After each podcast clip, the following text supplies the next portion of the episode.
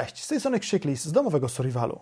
W dzisiejszym odcinku pogadamy o inflacji. Jej znaczący, gwałtowny wzrost może oznaczać koniec świata, jaki znamy i poważne kłopoty dla bardzo wielu z nas.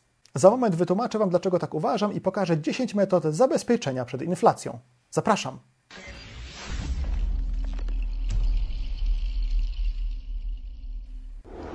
Może w ogóle zacznijmy od tego, czym jest inflacja i dlaczego powinniśmy się jej obawiać. O inflacji dużo się mówi w mediach, tak jakby to miało jakiekolwiek znaczenie. Nie? Przecież i tak zawsze tankuje samochód za 100 zł, a dzięki zmianom na rynku i działaniom polityków okazuje się, że mamy coraz lepsze dystrybutory na stacjach, bo one coraz szybciej nalewają za te 100 zł. Nie? Inflacja polega na tym, że rosną ceny, ale to nie jest tak, że drożyzna, że wzrost cen jest przyczyną inflacji.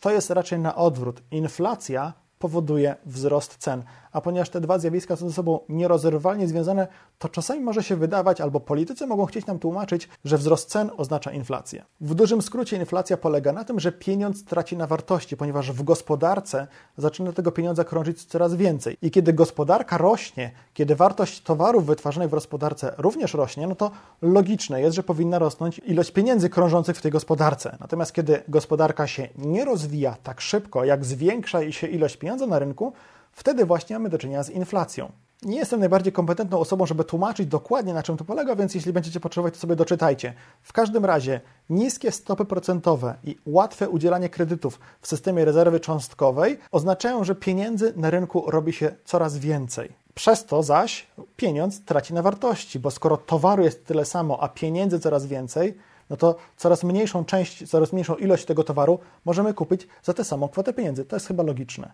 I widzimy wzrosty cen. Najbardziej chyba w tej chwili widzimy je na stacjach paliw, tak? No bo codziennie sobie jadąc samochodem przyjeżdżamy obok tych stacji, widzimy coraz to wyższe ceny. Widzimy, że za ten sam koszyk zakupowy w sklepie płacimy coraz więcej. I to jest ten bezpośredni skutek inflacji, czyli wzrost cen, ale są też skutki pośrednie. To, że drożeje paliwo, oznacza, że drożeje wszystko, co jest w jakiś sposób zależne od paliwa. Im bardziej coś jest zależne od paliwa, tym bardziej to będzie drożało. Przykładowo, produkty rolne zależne w ogromnej części od nawozów sztucznych produkowanych w zakładach chemicznych z ropy i gazu i od paliw do maszyn, oczywiście też od środków ochrony roślin, od amortyzacji tych maszyn i tak dalej, ale od tych dwóch istotnych czynników będzie żywność drożeć. Wyższa inflacja powoduje też większe ryzyko na rynku. Większe ryzyko wszystkiego, no bo trudno jest zaplanować produkcję czegokolwiek. Na prostym przykładzie, Trudno jest zaplanować i kosztorysować budowę domu jednorodzinnego, będąc deweloperem, jeśli nie wiemy, ile będzie za jakiś czas kosztować blacha na dach, ile będzie kosztować praca kogoś, kto ten budynek fizycznie wzniesie, ile będzie kosztować beton, ile będzie kosztować paliwo do agregatu, czy paliwo, żeby przywieźć ten beton na plac budowy. To są wszystko naczynia połączone i trudno jest planować jakikolwiek biznes, nie, nie będąc w stanie ocenić, czy ten biznes się opłaci. Dlatego ryzyko biznesowe będzie rosnąć. Co więcej, w ślad za rosnącą inflacją powinny i na pewno docelowo będą rosnąć stopy procentowe. To z kolei oznacza, że kredyt stanie się droższy.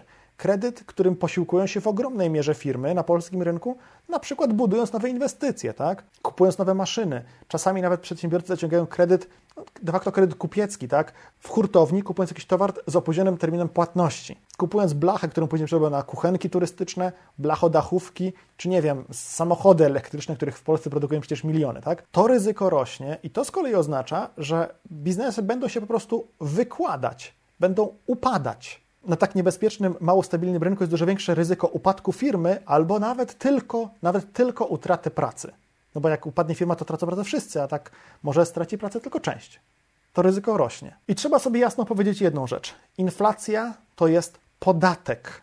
To jest podatek, który rządzący na nas de facto nakładają, pożyczając pieniądze w formie obligacji na rynkach, sprzedając te obligacje, a następnie odkupując je za mniejsze pieniądze, ponieważ w międzyczasie pieniądze straciły na wartości. Rządowi się tych pieniędzy udało dodrukować, więc siłą rzeczy jest w stanie taniej obsługiwać swój dług. Dla państwa to dobre, dla obywateli mniej, dlatego myślę, że możemy śmiało o tym myśleć w kategoriach podatku. Inflacja to podatek. A jak to się przekłada na nasze życie, na ten koniec świata, jaki znamy? Wzrost inflacji oznacza wzrost ryzyka finansowego, że popłyniemy, jeśli mamy kredyty, że stracimy nasz majątek, jeśli mamy jakieś oszczędności, albo majątek w jakiejkolwiek innej formie, albo że właśnie stracimy źródło dochodów, pracę, firmę, etat, zlecenia itd. I tak dlatego właśnie przed inflacją musimy się bronić. Po pierwsze i absolutnie najważniejsze, Kluczowe jest, żeby mieć jak największą poduszkę finansową. Z jednej strony to się może wydawać nielogiczne. Jeśli boimy się inflacji, czyli tego, że traci wartość, czyli tego, że nasz pieniądz traci wartość, jaki sens ma trzymanie dużych ilości tych pieniędzy? A no właśnie taki, że w razie utraty pracy ta poduszka finansowa będzie miała niebagatelne znaczenie. A zatem staramy się jak najwięcej oszczędzać, jak najwięcej ciąć koszty, sprzedawać niepotrzebne rzeczy, po to, żeby odzyskać jakieś pieniądze, które w te rzeczy wpakowaliśmy. Na przykład samochód. Teraz coraz więcej firm pracuje zdalnie, może tak zostanie na zawsze, może naprawdę nie trzeba już mieć dwóch, trzech samochodów w każdej rodzinie. Może wystarczy jeden albo dwa. To jeden można sprzedać, co da nam jakieś pieniądze, a po drugie zmniejszy koszty. Trzeba zapłacić za ubezpieczenie, trzeba zapłacić za przegląd i tak dalej, i tak więc to też są jakieś koszty. Nawet jeśli samochód stoi i się nie rusza. Odkładaj, szukaj oszczędności, sprzedawaj, co jest Ci niepotrzebne. Sprzedawaj w szczególności to, co, ja, co jakieś koszty dla Ciebie generuje. Po drugie, kiedy rośnie inflacja i rosną stopy procentowe, jest ogromne ryzyko, że popłyniemy na kredytach. Na przykład na kredytach hipotecznych. Historia Polski z ostatnich 30 lat zna takie sytuacje, kiedy ludzie popłynęli na kredytach hipotecznych, których po prostu nie byli w stanie obsługiwać. Tak się może zdarzyć również teraz, jeśli jesteśmy zakredytowani pod korek, czyli mamy mamy tyle pieniędzy, przynosimy co miesiąc do domu, że wystarcza nam na koszty życia oraz ratę kredytu, i nagle okaże się, że rata kredytu wzrośnie o połowę, albo nasze zarobki spadną, również ze względu na inflację, może się okazać, że nasza rodzina po prostu będzie musiała sprzedać mieszkanie, spłacić kredyt i przeprowadzić się do mieszkania wynajętego. To nie jest dobry moment na pożyczanie pieniędzy i kupowanie nowego mieszkania czy samochodu. Absolutnie nie. Jeśli masz kredyt, staraj się go jak najbardziej nadpłacać, albo przynajmniej bądź gotowy do tego, żeby go nadpłacać, bo na razie jeszcze stopy procentowe nie wzrosły bardzo mocno, tak? Wzrosły odrobinkę. Więc na razie koszty obsługi kredytu nie wzrosły bardzo jeszcze się może opłacać trzymać te pieniądze jako poduszkę, jako zabezpieczenie, niż spłacić nimi kredyt. Ale sytuacja może się zmienić, więc bądź na to przygotowany. Po trzecie, wydając pieniądze dziś na rzeczy, które zużyjemy za rok, zapłacimy o kilka, a może nawet kilkanaście procent mniej dziś niż za rok. I w wielu przypadkach opłaca się te zakupy przenieść z przyszłości na teraz.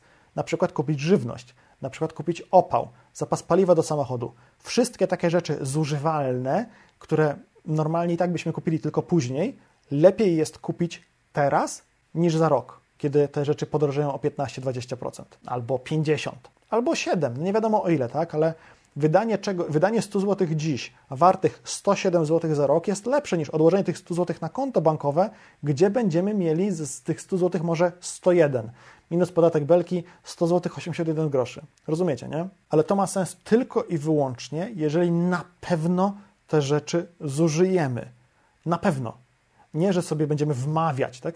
Paliwo jest dosyć dobrym przykładem, bo paliwo do samochodu zużyjemy niekoniecznie to się będzie opłacać, jeśli najpierw będziemy musieli kupić 10 kanistrów 20-litrowych.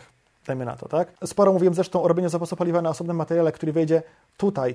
Jeśli chodzi o żywność, to kluczowe jest, żebyśmy zjedli ją zanim upłynie termin jej przydatności i żebyśmy kupowali rzeczy, które na pewno zjemy w przyszłości. Oczywiście uważam, że każdy powinien mieć zapas produktów, które wytrzymają dłużej niż na przykład rok w szafce w kuchni i dlatego sprzedaję racje żywnościowe, dlatego sprzedaję żywność liofilizowaną w puszkach, ale to nie jest optymalne akurat pod tym kątem. Pod tym kątem kupuj to, co jadasz. Makaron, kaszę, cukier. Z drugiej strony, i to będzie czwarty punkt, jeśli masz kredyty, to nie jest dobry moment na robienie tego typu zapasów.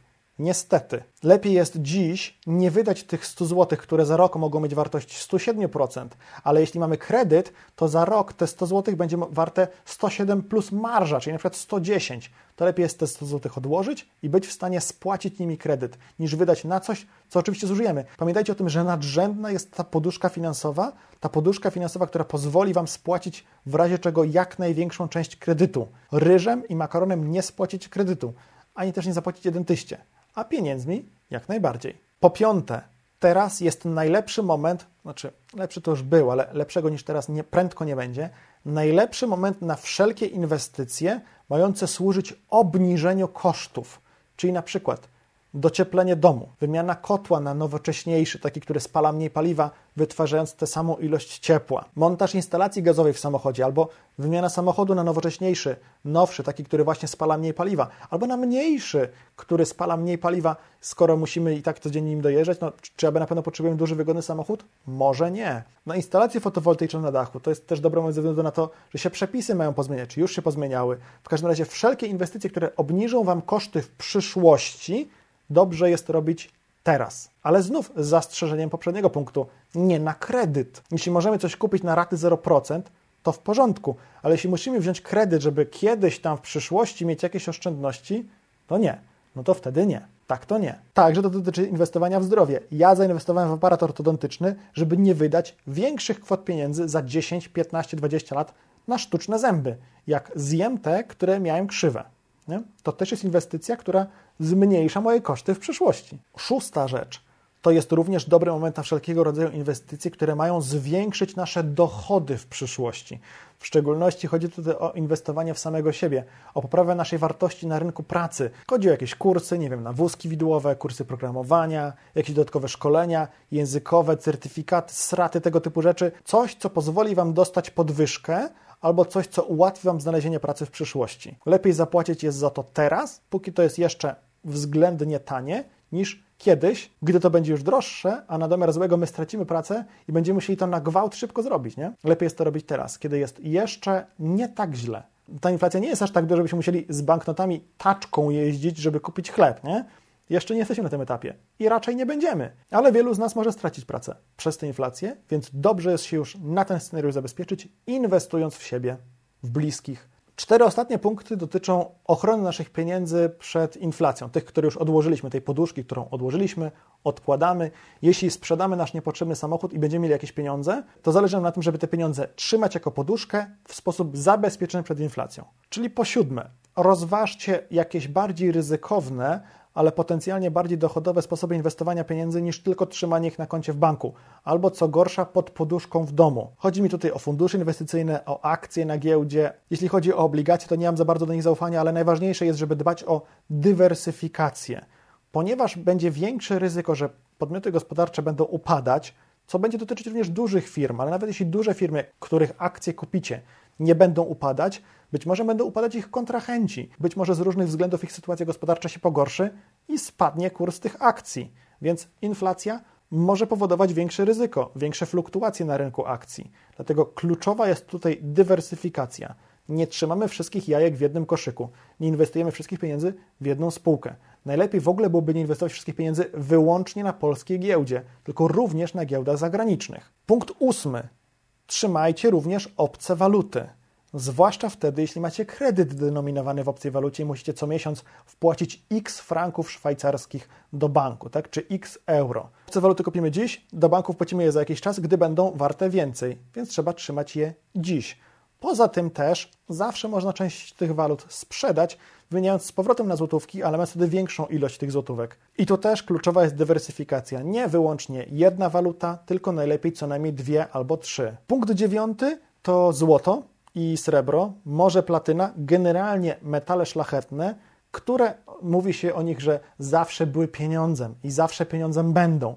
No niby tak, ale nie do końca. Nie zawsze będzie się dało nimi zapłacić bez straty dużej części wartości tych kruszców, dlatego absolutnie nie powinniście kupować wyłącznie tych kruszców jakieś tam ilości złota i srebra uważam, że powinniście mieć i w te walory można inwestować na wiele sposobów. To, co ja zawsze polecam, to są zakupy w zaprzyjaźnionym z nami sklepie, do którego link znajdziecie w opisie pod filmem, bo do tego sklepu mamy pełne zaufanie, a w dodatku jak wpiszecie nasz kod rabatowy, to dostaniecie przesyłkę gratis, nie?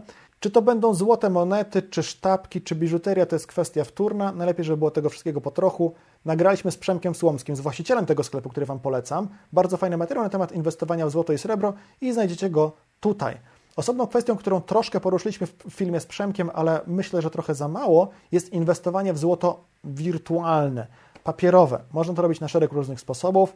Można to robić przez aplikację Revolut na przykład, co nie do końca znaczy, że my kupujemy jakiekolwiek złoto, ale mamy coś, co odzwierciedla cenę złota, co jest oczywiście dosyć drogie. Możemy kupować, możemy kupować złoto pod postacią certyfikatów notowanych na warszawskiej giełdzie, certyfikaty emitowane przez Raiffeisen i to polega na tym, że ktoś codziennie rano siada do komputera i wystawia oferty sprzedaży tych certyfikatów i oferty zakupu tych certyfikatów, nie? I teraz przykładowo sobie sprawdzę złoto. W tej chwili jedna uncja kosztuje 7049 zł. Certyfikat RCGLDA Open kosztuje w tej chwili 700 zł. To znaczy, to jest jego ostatni kurs. Trochę niezbyt fortunny moment, bo nagrywam to już po zamknięciu notowań na giełdzie, ale ten certyfikat w tej chwili, jego ostatni kurs to było równo 700 zł. I tam ktoś wrzuca codziennie oferty sprzedaży tego, i tam ktoś codziennie wrzuca oferty sprzedaży tego, tego certyfikatu i odkupienia tego certyfikatu i zarabia na tej marży, nie? Ona tam jest mniej więcej, jak patrzyłem ostatnio, kiedy trwały notowania, około 1%. Jak się kupuje złoto i srebro, kupuje złoto i srebro w rewolucie, to się płaci mniej więcej 3% de facto prowizji. Tu się płaci około 1%, może troszkę więcej, tak? Więc jest różnica. Zresztą nawet w tej chwili widzę, że oferty zakupu y, są po 700 zł i 50 groszy, a sprzedaży po 709, czyli mamy 8,50 różnicy przy wartości rzędu 700 zł, czyli to jest nieco ponad 1% te, te, tego jakby spreadu, tak? I to oczywiście nie jest optymalne, bo to zakłada, że ten ktoś w tym Raiffeisenie siądzie do tego komputera i wyśle te oferty, może się okazać, że tego akurat nie zrobi, będzie jakiś problem techniczny, a ty będziesz akurat w tym momencie potrzebował pieniędzy, ale czy łatwiej ci będzie pójść do Lombardu, sprzedać złoto? No, nie mam przekonania. Pod pewnymi względami łatwiej, ale niekoniecznie lepiej i taniej. Więc znów i tutaj taka dywersyfikacja, trochę złota fizycznego, trochę srebra fizycznego, trochę tych certyfikatów. Myślę, że to jest najlepsze podejście. I wreszcie ostatni, dziesiąty punkt, który będzie na pewno najbardziej kontrowersyjny. Mianowicie kryptowaluty. Najbardziej kontrowersyjny z tego względu, że ludzie dzielą się na dwie grupy. Entuzjastów kryptowalut, którzy uważają, że nie powinno się w ogóle kupować niczego innego tylko Bitcoin pod korek, albo tam jakieś inne Dogecoiny, Ethereum, inne tego typu rzeczy, oraz ludzi, którzy kompletnie tych kryptowalut nie rozumieją i uważają, że się w nie nie powinno inwestować ani złotówki. Ja nie należę do żadnej z tych grup. Uważam, że jakąś część pieniędzy można trzymać w formie kry kryptowalut. Zaznaczam, można. To nie jest moje zalecenie. W ogóle te rzeczy, o których mówię w tym filmie, to nie są w żadnym stopniu moje zalecenia, ponieważ ja nie jestem doradcą finansowym, żebym mógł Wam cokolwiek radzić, nie? cokolwiek zalecać. To są rzeczy, które ja uważam za słuszne.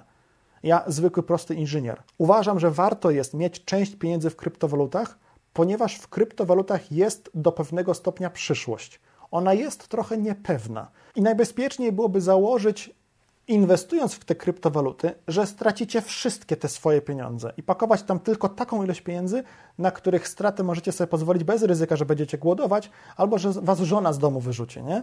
Wrzucałem je tak dawno temu na Instagram zrzut ekranu z mojej aplikacji Revolut, Y, na którym było pokazane, nie? że na inwestycji w kryptowaluty zarobiłem 18,6%, a na inwestycji w metale szlachetne w rewolucie straciłem prawie 7%. Jak to wygląda dziś? To było zdjęcie, zdjęcie wrzuciłem 6 dni temu, nie? W ciągu tygodnia zmieniło się to do tego stopnia, że na, że na kryptowalutach zarobiłem 25%, a na towarach, czyli na złocie i srebrze, straciłem niecałe 5%. Czyli na metalach szlachetnych zyskałem 2% od tych 6 dni, a na kryptowalutach zyskałem chyba 6%. A już w tym tygodniu widziałem 30% z plusem. Ja teraz jest 25 z groszami, kiedy, kiedy do Was mówię. Zrobię w ogóle screen, żeby. Dokładnie zrobię screen w momencie, w którym nagrywam te słowa. 19,51. O, to jest z, walut, z kryptowalut, to jest z towarów. O, teraz jest strata 5%, 5,02 na złocie i srebrze. Kryptowaluty nie są stabilne Trudno jest przewidywać, jak te kryptowaluty będą się zachowywać w przyszłości, ale fakt, że wygląda na to, że one będą włączane przez ten tradycyjny sektor bankowy, każe mnie osobiście przypuszczać, że to jest dobry kierunek inwestycyjny. I można kryptowaluty kupować przez Revoluta, co znów nie jest optymalne, ale jest wygodne pod wieloma względami, albo można kupować na różnych giełdach. W opisie pod filmem jest jedna z giełd działających na rynku polskim, z której ja osobiście korzystam. Tam dokonywałem wszystkich moich transakcji z kryptowalutami na rynku, pomijając aplikację Revolut. Wszystkich do tej pory. Nie polecam Wam miejsca, z którego sam nie korzystałem i z którego sam nie byłem zadowolony. Docelowo powinniście korzystać z tych wszystkich 10 metod. Szukać jak największych oszczędności, starać się ciąć koszty, starać się inwestować w to, co Wam poprawi jakość życia, obniży koszty albo zwiększy dochody w przyszłości, spłacać albo być gotowym do nadpłaty tego kredytu i uważać, trzymać tę naszą poduszkę finansową w różnych miejscach, w różny sposób zainwestowaną, żeby chronić ją przed inflacją. To jest najlepsze, co mogę Wam zasugerować. A jeśli chcecie się dowiedzieć więcej na ten temat, to tutaj znajduje się cała nasza playlista ze wszystkimi filmami o zabezpieczeniu finansowym na różne trudne życiowe sytuacje. A na koniec tradycyjnie chciałem Was bardzo gorąco zachęcić do zasubskrybowania naszego kanału, żebyście przegapili kolejnych przydatnych filmów, które dla Was przygotujemy za pomocą tego odnośnika i do wspierania nas na Patronite za pomocą tego przycisku, bo nasi patroni mają możliwość oglądania filmów dwa dni wcześniej i w dodatku bez reklam. Do zobaczenia w następnym filmie. Trzymajcie się. Cześć!